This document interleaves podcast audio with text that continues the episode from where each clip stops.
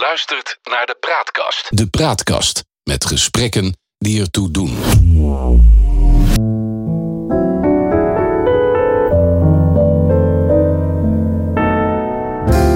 Welkom bij de Praatkast.nl. Dit is een aflevering van het Geheugenpaleis. Mijn naam is John Kneriem en samen met Han van der Horst maken we deze podcast. De geschiedenis die herhaalt zich nooit, maar rijmen doet hij vaak wel. En in het Geheugenpaleis gebruiken we dat gegeven om dieper in te gaan op de actualiteit. Zo gaan we aan de waan van de dag voorbij en bereiken we de kern van het nieuws. Dus we scheppen orde in de maalstroom van berichten die het zicht op de grote lijn belemmeren.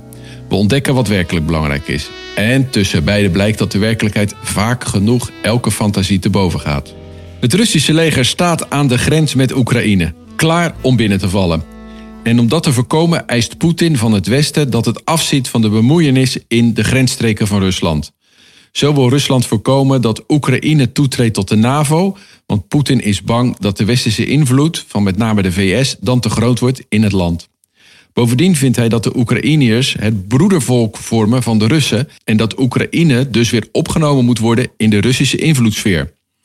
Vandaag gaan we onderzoeken hoe Russisch Oekraïne eigenlijk is, of dat het toch meer een West-Europees land is. Maar om te beginnen, Han, gaat Poetin Oekraïne aanvallen of is het alleen maar ketelmuziek? Uh, het is altijd moeilijk uh, om voorspellingen te doen, vooral als het de toekomst betreft. Uh, dat is volkomen onduidelijk. Het is wel zo dat Poetin zijn tanden laat zien en ook heel duidelijk maakt dat hij zich door het Westen bedreigd voelt. En daarom heeft hij die uh, soldaten aan de grens met de Oekraïne gelegerd. En daarbij is het nog ook onduidelijk wat die grens zou moeten zijn. In 2014 al heeft Poetin eenzijdig de Krim geannexeerd. Dat was onderdeel van de Oekraïne. En er zijn aan de grens met Rusland ook allerlei gebieden waar volksrepublieken zijn uitgeroepen en waar ontevreden burgers van de Oekraïnse staat wonen die hun uh, hun stad of hun dorp het liefst bij Rusland gevoegd zagen. Dus dat zijn allemaal potentiële brandhaarden. Ja, als je nou kijkt naar het uiteenvallen van eh, de Sovjet-Unie. Dat is zo zeg maar begin 90 jaren uh, gebeurd. Uh, toen had de Sovjet-Unie een groot rijk. En aan de rand van dat rijk waren allerlei landen die eigenlijk tot de invloedssfeer van Rusland uh, behoorden. Zoals Estland, Estland Letland, Litouwen, Polen, Roemenië, Hongarije al dat soort landen, of veel daarvan, die zijn eigenlijk in de westerse invloedssfeer opgenomen geworden in ja, de afgelopen uh, 20, 30 jaar. Dan is het toch niet zo vreemd dat hij een beetje bang is voor dat Westen? Nou, daar heeft hij ook wel goede redenen voor. Uh, Poetin is zijn carrière begonnen bij de KGB en hij werd chef van het eh, KGB-station in Dresden in de DDR. Dus hij heeft nog meegemaakt uh, dat, de, dat de grens tussen Oost en West dwars door uh, Duitsland liep. Ja. En nu loopt die grens aan de oostkant zeg maar, van de Baltische Staten, van Polen en van Roemenië. En dan koestert hij ook nog de vrees dat Oekraïne, tegenwoordig een onafhankelijk land, dat is zo sinds 1991, eh, zich zal aansluiten bij de NAVO.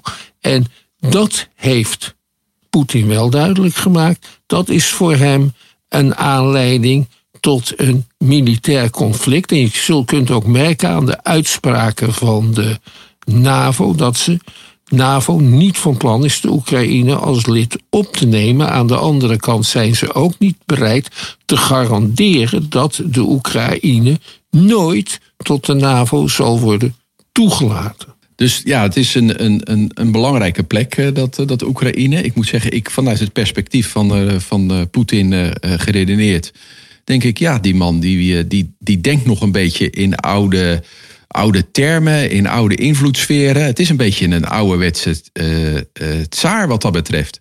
Ja, uh, de tsaren breiden hun macht uh, naar het westen uit sinds tsaar Peter de Grote van het beroemde tsaar Peterhuisje. De man die Nederland heeft bezocht zo een paar jaar voor 1700.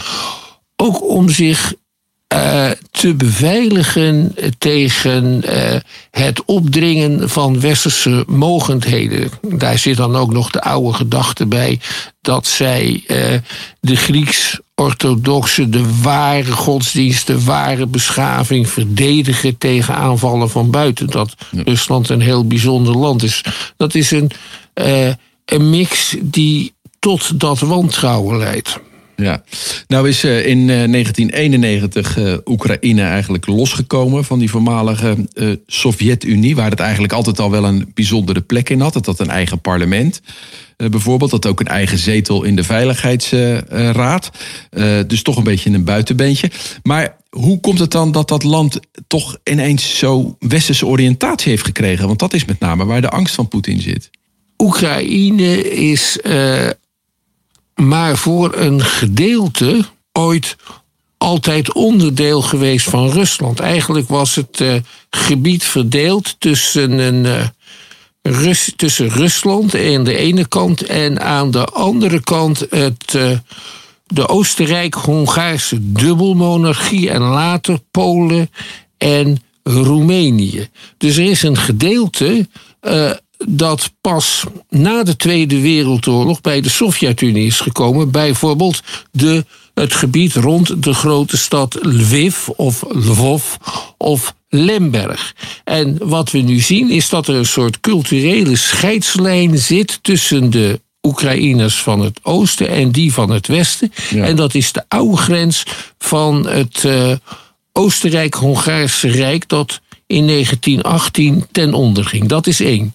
Dan zijn er in de tijd van Stalin ook nog miljoenen uh, Russen naar Oekraïne gekomen om daar in de mijnen te werken en om daar te bouwen aan de grote zware industrieën die het kernpunt vormden van Stalins uh, ontwikkelingsbeleid. Dus het is een, er is een gemengde bevolking en er is ook een scheiding tussen de, in de bevolking. Er zijn uh, Oekraïners die een meer westerse koers zouden willen bewandelen en er zijn Oekraïners die zich veilig voelen onder de paraplu van Poetin. En dat leidt tot heftige politieke conflicten. Dat is punt 1. Punt 2. Uh, de Oekraïense democratie is ook een beetje, of tenminste een beetje, is heel erg een kleptocratie. Um, grote industriëlen, oude communistische leiders die vechten met elkaar om de staatsruif. En bij de periodieke verkiezingen komt er dan eentje naar boven. De huidige president Zelensky is een populist. Eh, die is beroemd geworden omdat hij eh, de hoofdrol speelde in een, eh, een zeer populaire soap. In die soap speelde hij een niet-corrupte premier van de Oekraïne. Deze, en, deze meneer Zelensky is nu president. En je kunt aan een heleboel dingen merken dat hij, dat hij zijn best doet. Maar ook een beetje iemand is met een uh, rijdiploma die achter het roer van een supertanker staat. Ja, en hij is wel westers georiënteerd. Ja, ja en ook weer nee. Uh, hij, moet, uh, hij moet schipperen. Hij heeft te maken met een land dat in feite in oorlog is. Er zijn uh, in de gevechten tussen Oekraïense en Russische strijdkrachten en guerrilla-leiders.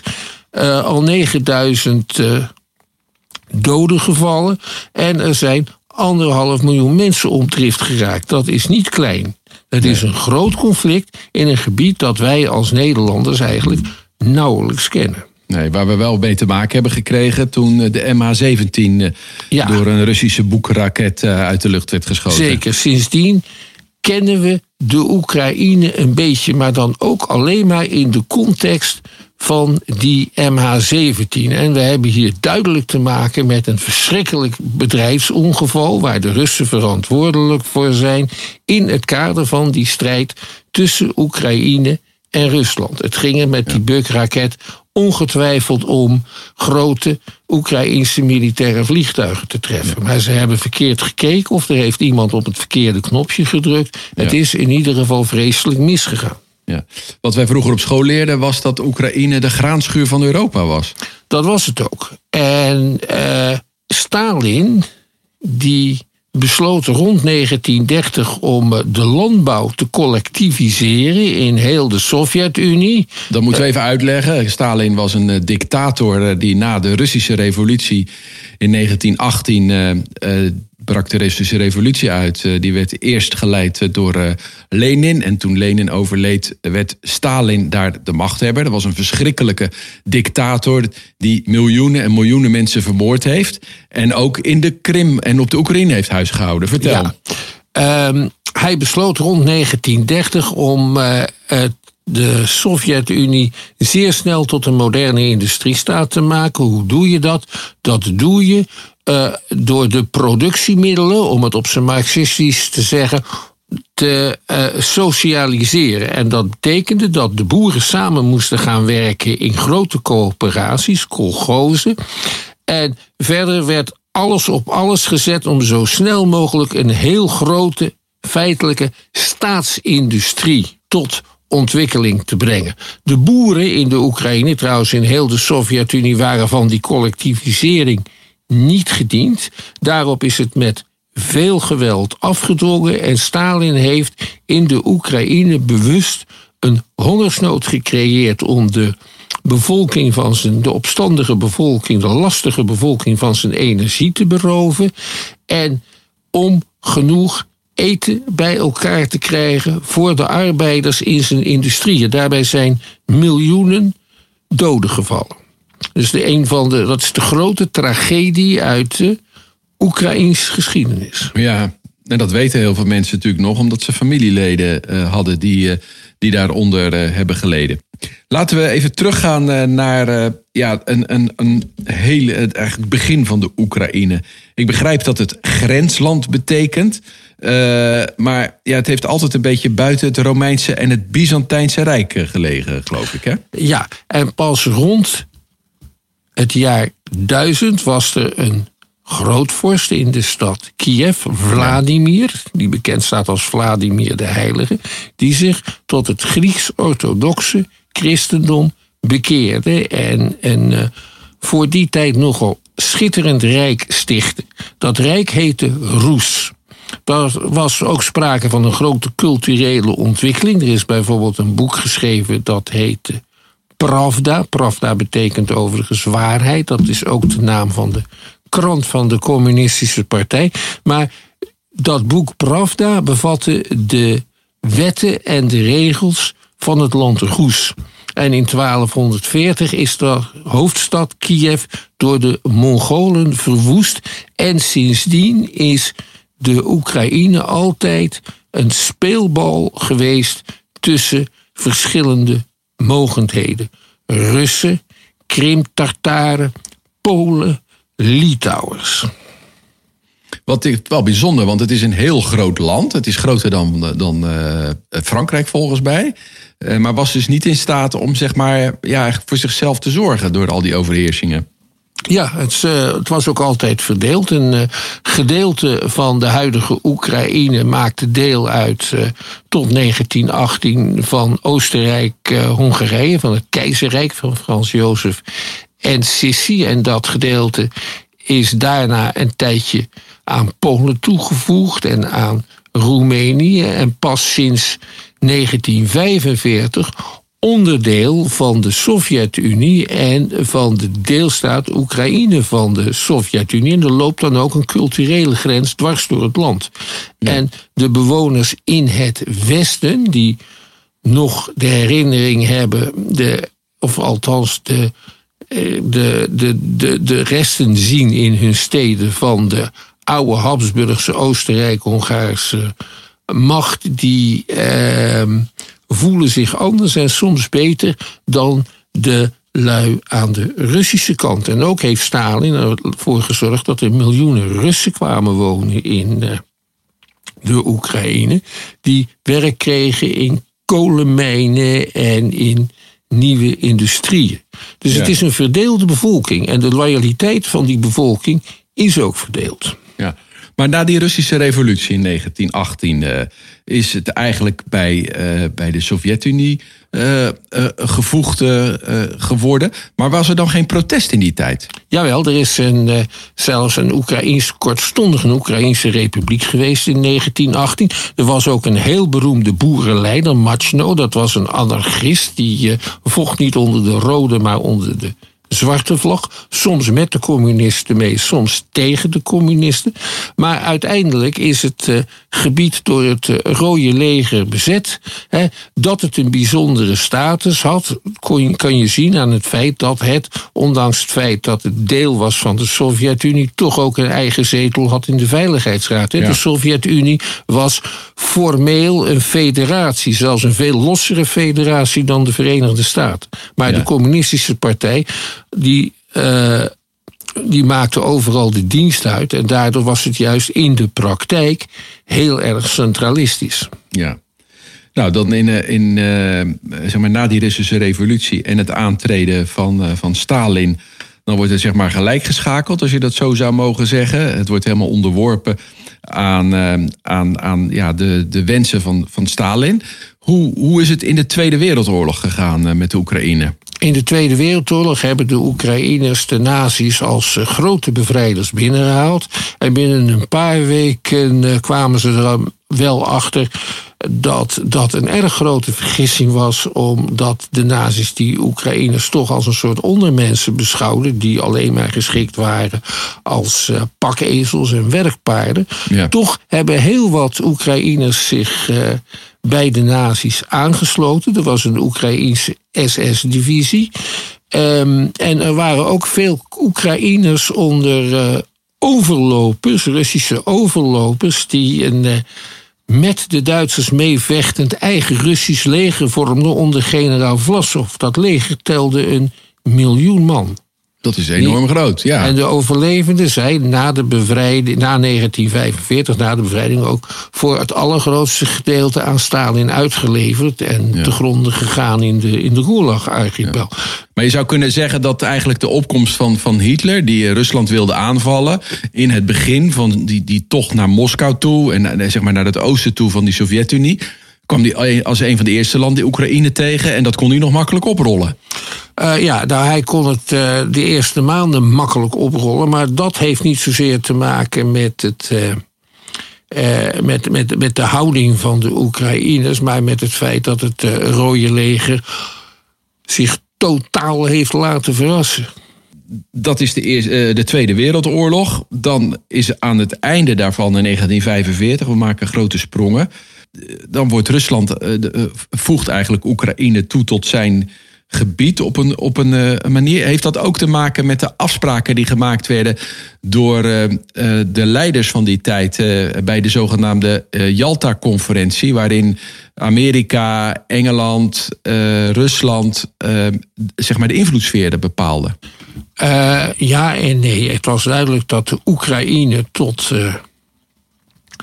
tot Rusland behoorde. Het was al Russisch in de, de laatste eeuwen van het, Tsarenrijk. Dus in Jalta heeft men zich meer geconcentreerd over wat er voor het overige moest gebeuren met staten die voor de Tweede Wereldoorlog al onafhankelijk waren. En Griekenland, Joegoslavië, Polen. En daarover zijn uh, toen afspraken gemaakt. Maar wat je eigenlijk zegt is dat dat tijdens die Jalta-conferentie na de Tweede Wereldoorlog dit helemaal geen punt van discussie was of Oekraïne nee. bij de Rusland zou moeten nee, horen. Dat was al duidelijk zo. Kijk, Oekraïne was tot ergens in de 17e eeuw of zo voor het grootste gedeelte onderdeel geweest van het Pools-Litouwse koninkrijk en daarna overgenomen door de, door de Russen. En uh, ja, dat, dat was vanzelfsprekend. Dat is geen enkel punt van discussie. Nee. Nu dus wel, voor het eerst. Ja, precies. Want, want nou ja, dan, dan hebben we daar ook nog een bijzonder gebied. Dat is de Krim. Daar is natuurlijk altijd veel om te doen geweest. Het is strategisch van belang omdat het in de Zwarte Zee ligt. Het is een haven die, die, die toegang geeft uh, ja, tot eigenlijk de rest van de wereld. Ja. Die belangrijk is voor uh, Rusland. Maar dat heeft ook niet altijd tot de Oekraïne behoord. Nee, dat was een, uh, het kanaat van de Krim een uh, islamitische staat die uh, zich nogal bezighield met uh, slavenjachten onder de Oekraïners, de Russen, de Polen en de Roemenen, nauw verbonden aan het Ottomaanse Rijk. dat rijk is door Katharina de Grote in de 18e eeuw aan Rusland toegevoegd.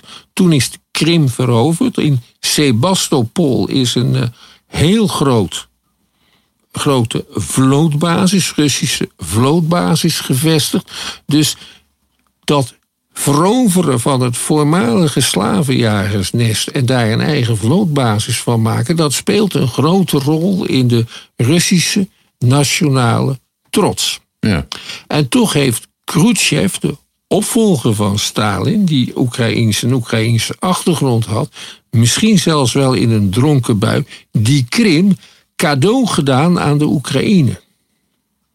Dus het feit dat Poetin in 2014 die Oekraïne bezette en de oude situatie van voor Khrushchev zijn drinkpartij herstelde, is misschien zo gek en zo onvoorstelbaar. Nog niet. In die zin lijkt het allemaal wel logisch. Het is een beetje hoe je tegen de geschiedenis natuurlijk aankijkt. Uh, uh, en hoe je dat dan vervolgens uitlegt.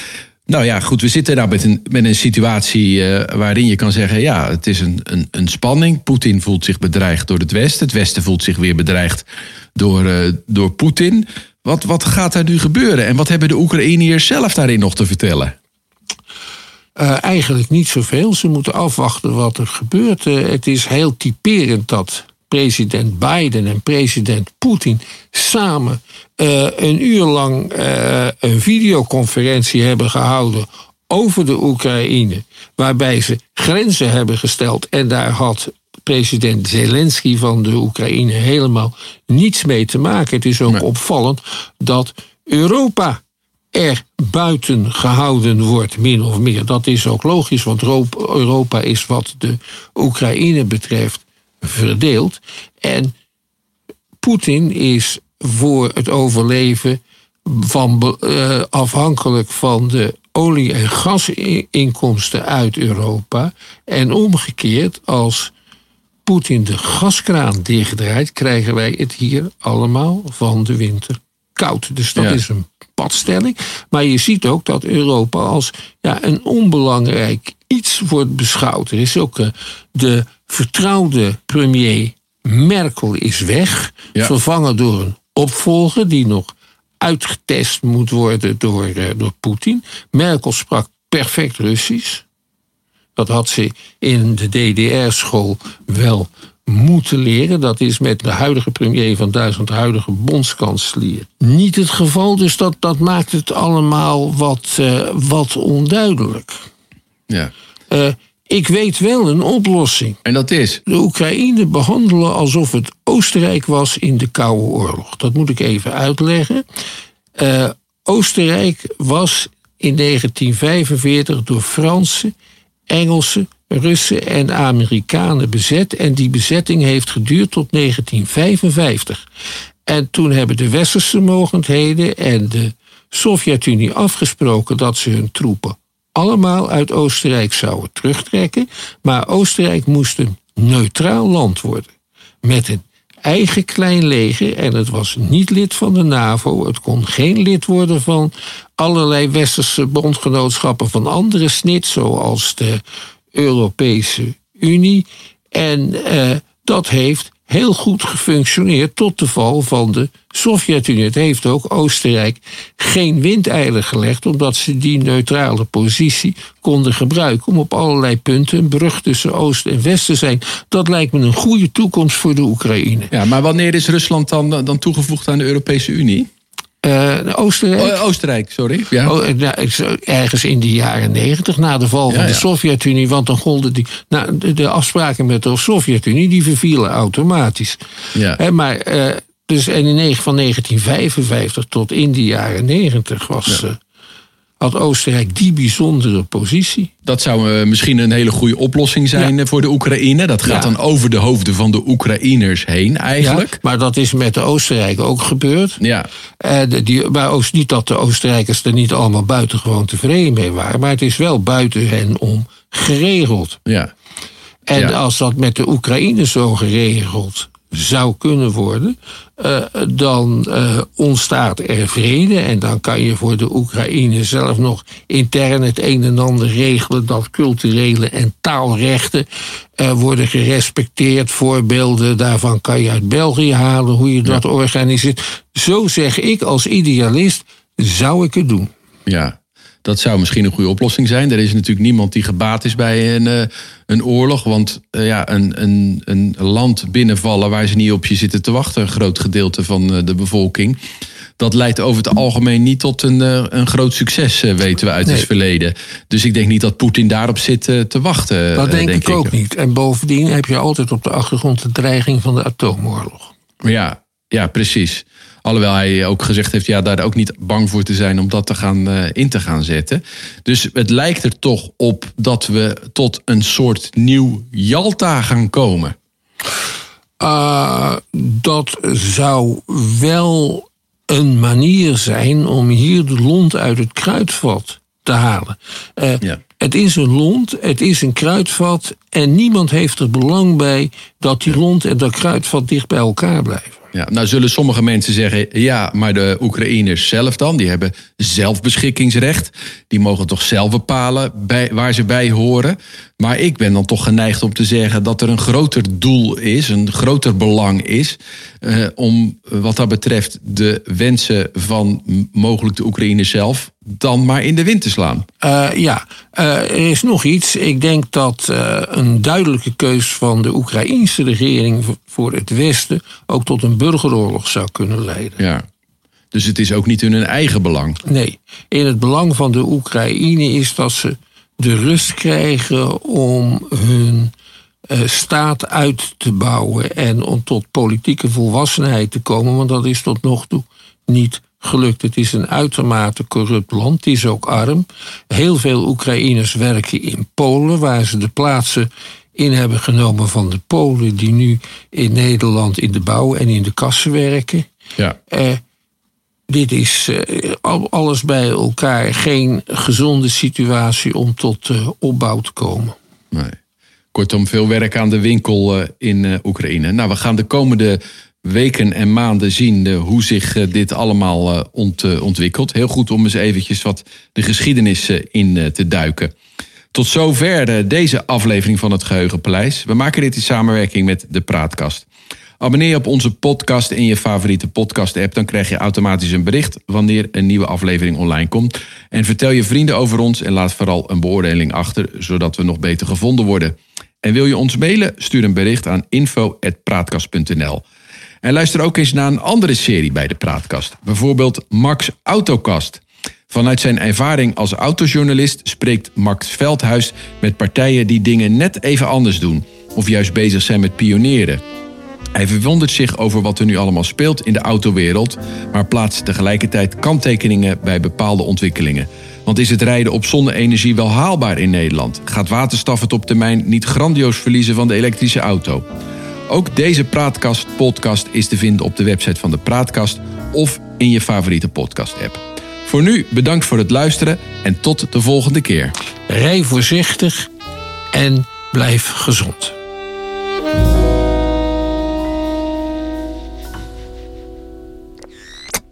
Luistert naar de Praatkast. De Praatkast met gesprekken die ertoe doen.